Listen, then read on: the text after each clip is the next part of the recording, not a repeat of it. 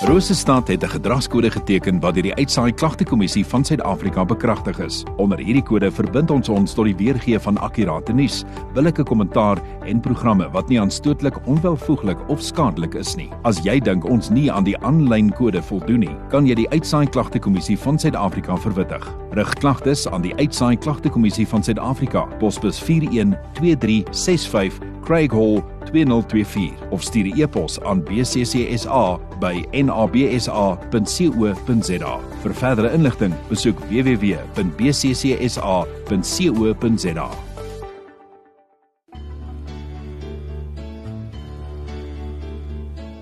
Tyd vir oggendgodsdiens op 100.6 FM. As ek vroeër gesê het ook pastoor Neville Goodchild wat by ons kuier hierdie week Lewende Woord Gemeente as jy hom ooit in die hande wil kry. En eh, pastoor, welkom hier in Atelier.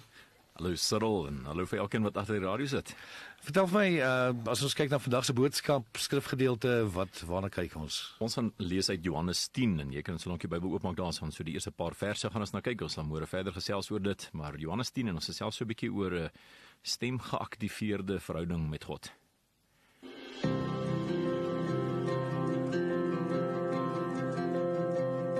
It's not my life to live.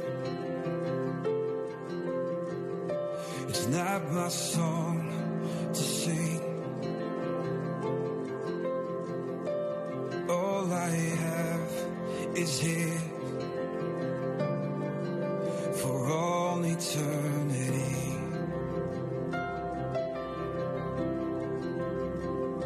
It's not my righteousness. It's not my faithfulness.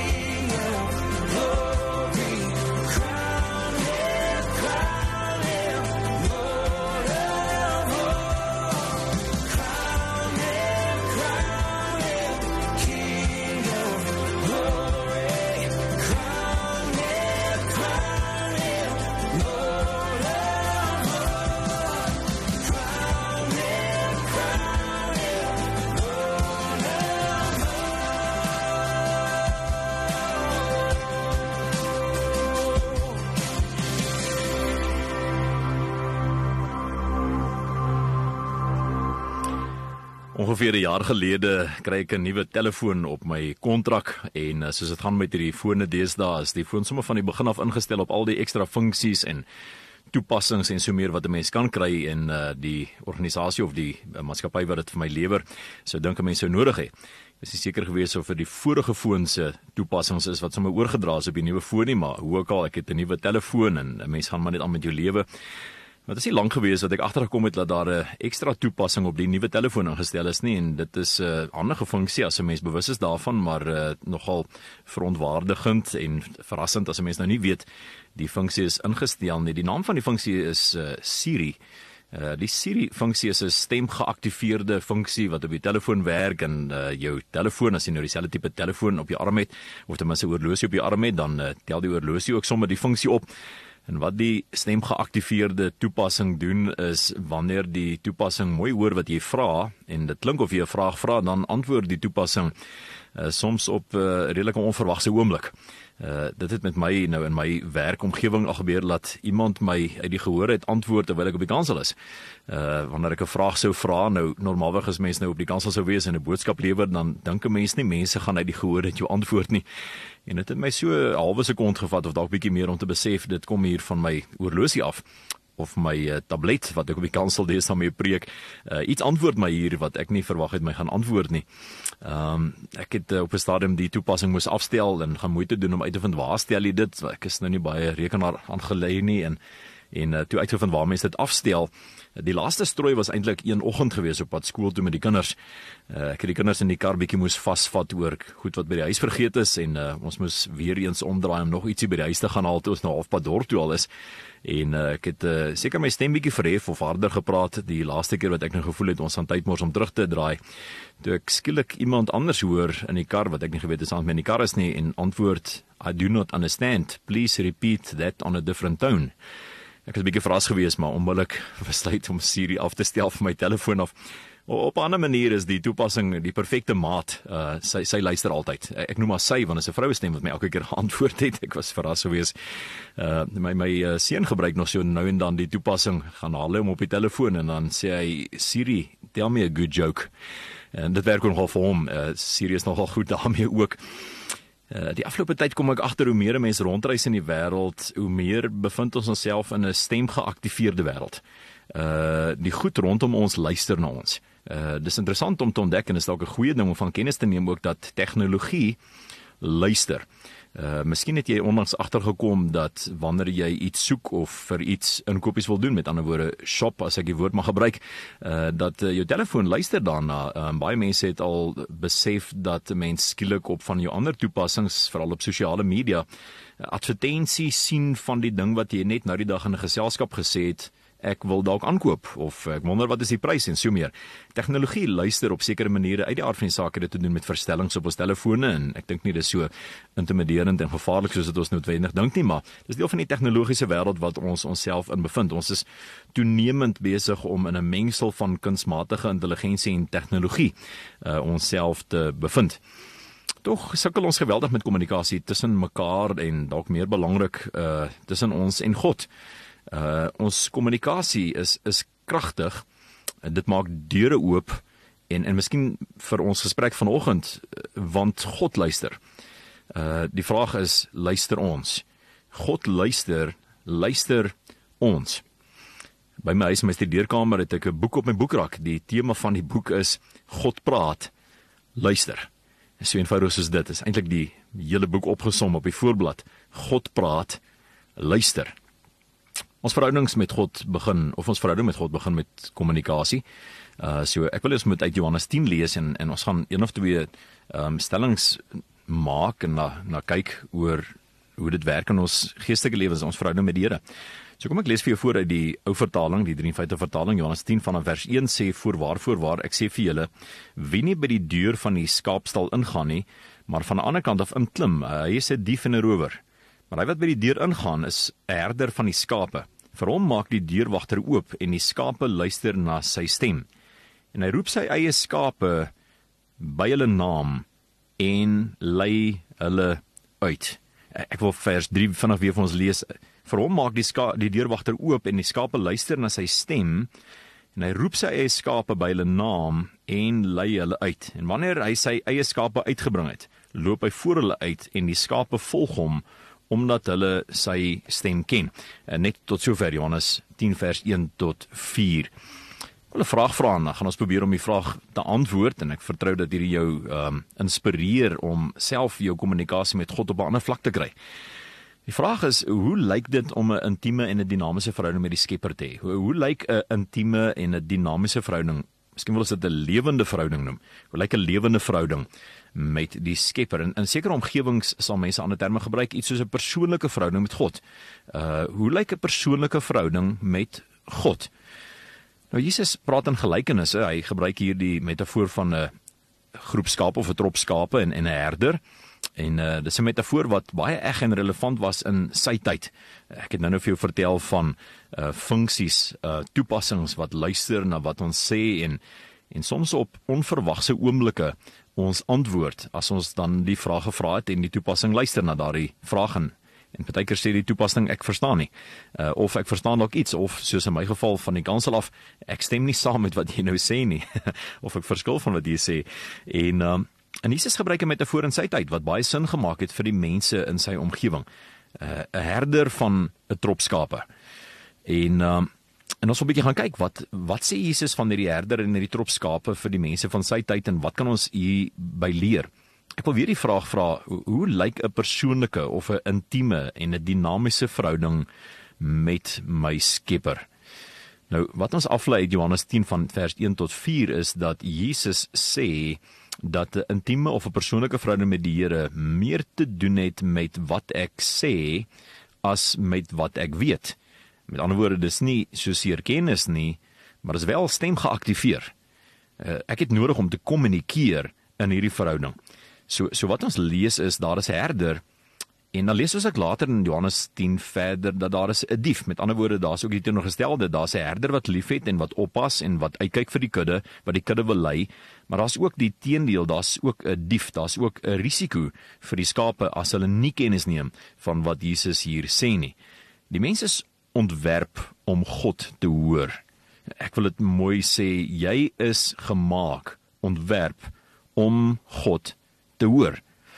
Uh, dis moontlik dat jy dit nie beleef nie, maar dis waar. Dit staan vir ons so in die woord en, en ons hoor dit uit baie mense se belewennisse, verhale, getuienisse, hulle stories. Mense se persoonlike getuienisse vertel vir ons dat die mens hoor God. Uh, die mense is ontwerp om God te hoor. Uh, een van die redes dat soveel mense met soveel uitdagings in hulle denke saamleef, is dat ons verstand gemaak was om met God kontak te hê en met hom te kommunikeer. Maar, maar ons bestaan nie op daardie vlak nie. Ons is gemaak om op 'n sekere vlak te funksioneer, maar ons bestaan nie op daardie vlak nie. Met ander woorde, ons neem nie aktief en doelbewus deel aan daardie funksionering nie. Ons bereik nie die dimensie wat ons veronderstel is om te bereik nie. Uh en dit maak skade. Ek dink dit is so belangrik vir ons om te verstaan dat dat dit maak skade in ons lewens. Ek dink soms dat omdat ons nie sekere goed beleef nie, uh of ons dink soms omdat ons sekere goed nie beleef nie, maak dit ons net anders, weet. Uh ek aanbid nie want ek hou eintlik meer van die preekdeel. Ek sing nie saam nie want ek hou meer van die boodskap. Ek is hier vir die boodskap of uh, uh ek is nie hier vir die boodskap nie. Ek ek hou meer van die van die aanbiddingsdeel. Ehm uh, weet ek neem nie deel aan gebedsbyeenkomste nie. Ek, ek is meer opgewonde oor oor lering en kursusse miskien. Ehm um, En en ek dink dit is belangrik om te verstaan dat die feit dat ons sekere goed nie beleef nie, sê nie dat ons dit nie kan beleef nie. Die feit dat ek dit nie nou beleef nie, sê nie ek is nie gemaak om dit te beleef nie sien daar is vermoëns in die mense ontwerp ingewerk om die mens optimaal te laat leef. En as die mens nie daar leef nie, is hy nie anders nie. Hy's eerder half of gebroke of dood eenvoudig net alleen. So wat ek vir probeer sê voor ons aangaan is is die feit dat ek en jy God se stem nog nie gehoor het nie of nie nou hoor nie of sukkel om God se stem te hoor, beteken nie ons is anders nie. Dit beteken net dat ons nog nie optimaal funksioneer nie. Dit beteken dat ons nog nie op daardie vlak funksioneer geestelik waarvoor ons ontwerp is nie. Die mens is ontwerp om God se stem te kan hoor en hy kan daar leef en as hy nie daar leef nie, is daar nie fout met hom nie. Uh, hy's nie anders nie. Hy's nie daarvoor ingestel. Dis eerder dat ek nog nie funksioneer waar ek kan funksioneer nie. Ek wil jou motiveer om op 'n plek te kom in jou verhouding met die Here en jou belewenis met die Here waar jy optimaal kan beleef. Daar is een of twee stellings wat ek wil maak en dan gaan ons daarmee afsluit vir vanoggend se gedeelte. God se stem is 'n innerlike stem. Dis nie noodwendige uiterlike stem nie. So hierdie is net so belangrik net met kennis hiervan voor ek hierdie stellings gaan maak. God se stem is 'n innerlike stem, nie noodwendige uiterlike stem nie. God se leiding kom van binne af, nie so seer van buite af nie wanneer ons praat oor na God se stem luister. Dis 'n stem in my binneste. Met ander woorde, dis 'n gewaarwording. Ek word gewaar van God se inspraak. Ek weet vandag en veral in sekere tipe media um, wat ons aan blootgestel is, word daar algemeen gesê dat God sê en dit is so maklik om te sê God sê of God het vir my gesê of die Here sê in hierdie omstandighede ek wil jou 'n bietjie leiding hier in hierdie area net gee uit hierdie gedeelte uit dis 'n innerlike stem vir meeste van ons ons gewaar God binne in ons ons raak met ander woorde bewus dat die Here na verloop van tyd met my oor 'n sekere saak praat. Maar kom ons gaan terug in Johannes 10 vers 1 tot 4 en hier is een van die stellings. Uh Jesus sê die skape luister na sy stem. En ek wil hierdie net vir jou in ander woorde stel dat ons beter verstaan. Dit beteken dat die skape kan hom hoor. As Jesus sê die herder praat met die skape en die skape luister na sy stem, dan probeer Jesus vandag vir my en vir jou sê, dit beteken die skape kan hom hoor. En ek wil die klem op die kan sit. Jesus sê die skape kan hom hoor. Jy kan Jesus se stem, die herder se stem die Heilige Gees se stem hoor binne in jou gemoed, binne in jou gees, binne in jou innerlike. Hier is nog 'n stelling. Hy roep hulle by die naam. Hierdie is so belangrik vir ons in ons in ons kerkwêreld en ons geestelike wêreld en ons godsdienstwêreld om te hoor en te verstaan, neem kennis hiervan. Om God se stem te hoor is nie net 'n groep belewenis nie. Die woord sê hy roep hulle by die naam. Alhoewel hy hulle roep, die trop word nie na verwys. Roep hy hulle by die naam. En dit is so belangrik dis nie die trop se naam nie dit is die skape se naam. Hy roep hulle by die naam sê die woord. Dis nie net 'n groep belewenis nie hierdie is 'n persoonlike ervaring. Om God se stem te hoor is 'n baie persoonlike ervaring. En ons laaste stelling vir vanoggend. Die woord sê dan en hy lei hulle uit. Om God se stem te hoor beteken dat ek uit my huidige omstandighede uitgelei word in 'n beter realiteit in. Om God se stem te hoor is 'n beloning, dis ook 'n baie groot voorreg, dis 'n wonderlike geestelike belewenis. Maar dit beteken nie net ek kan sê vir iemand sê of later vertel ek het God se stem gehoor nie. Dis nie die is nie die doel daarvan nie. Om God se stem te hoor beteken altyd dat ek uitgelei word na beter omstandighede toe. So wanneer ek God se stem hoor en daarop reageer, sal sy stem my uitlei na beter realiteite toe. Kom ons sluit die oë en dan sluit ons vanoggend se stilte tyd af. Vader baie dankie dat ons kan uitsien en onsself kan voorberei en onsself kan in die plek plaas posisioneer om u stem te hoor. Here dankie dat u woord in Johannes 10 ons kom oortuig dat die herder praat, hy bly nie stil nie, God swyg nie. God het iets om te sê, God wil nou met my praat oor my realiteite, oor my belewennisse, oor my ervarings, oor my week wat voorlê, oor my dag wat voorlê. God wil my praat oor my naweek wat agter my lê. God swyg nie uit iets om te sê. Die herder praat met die skape. Dis nie net wat ek in 'n groep hoor nie, dis nie net wat ek in 'n groter gehoor hoor nie, dit ook. Maar die woord sê hy roep hulle by die naam. God het 'n persoonlike gesprek met my vir vandag beplan. Here meer as dit wanneer ek die stem begin hoor want ek kan nie stem hoor en ek moet die stem hoor want u praat. Wanneer ek u stem hoor, dan lei u my in beter realiteite in. U stem lei ons na beter hoop toe. U stem lei ons na 'n beter lewenstyl toe. U stem lei ons na beter plekke toe. U stem lei die skape uit na waar die skape behoort te wees, in die weivelde in, in die plekke waar water is, in die plekke waar daar rus is. U stem lei ons altyd na beter plekke. My gebed is dat wanneer ons u stem begin hoor, wanneer ons u stem van gewaar word, dat dit ons sal lei in 'n beter lewe in in Jesus se naam. Amen.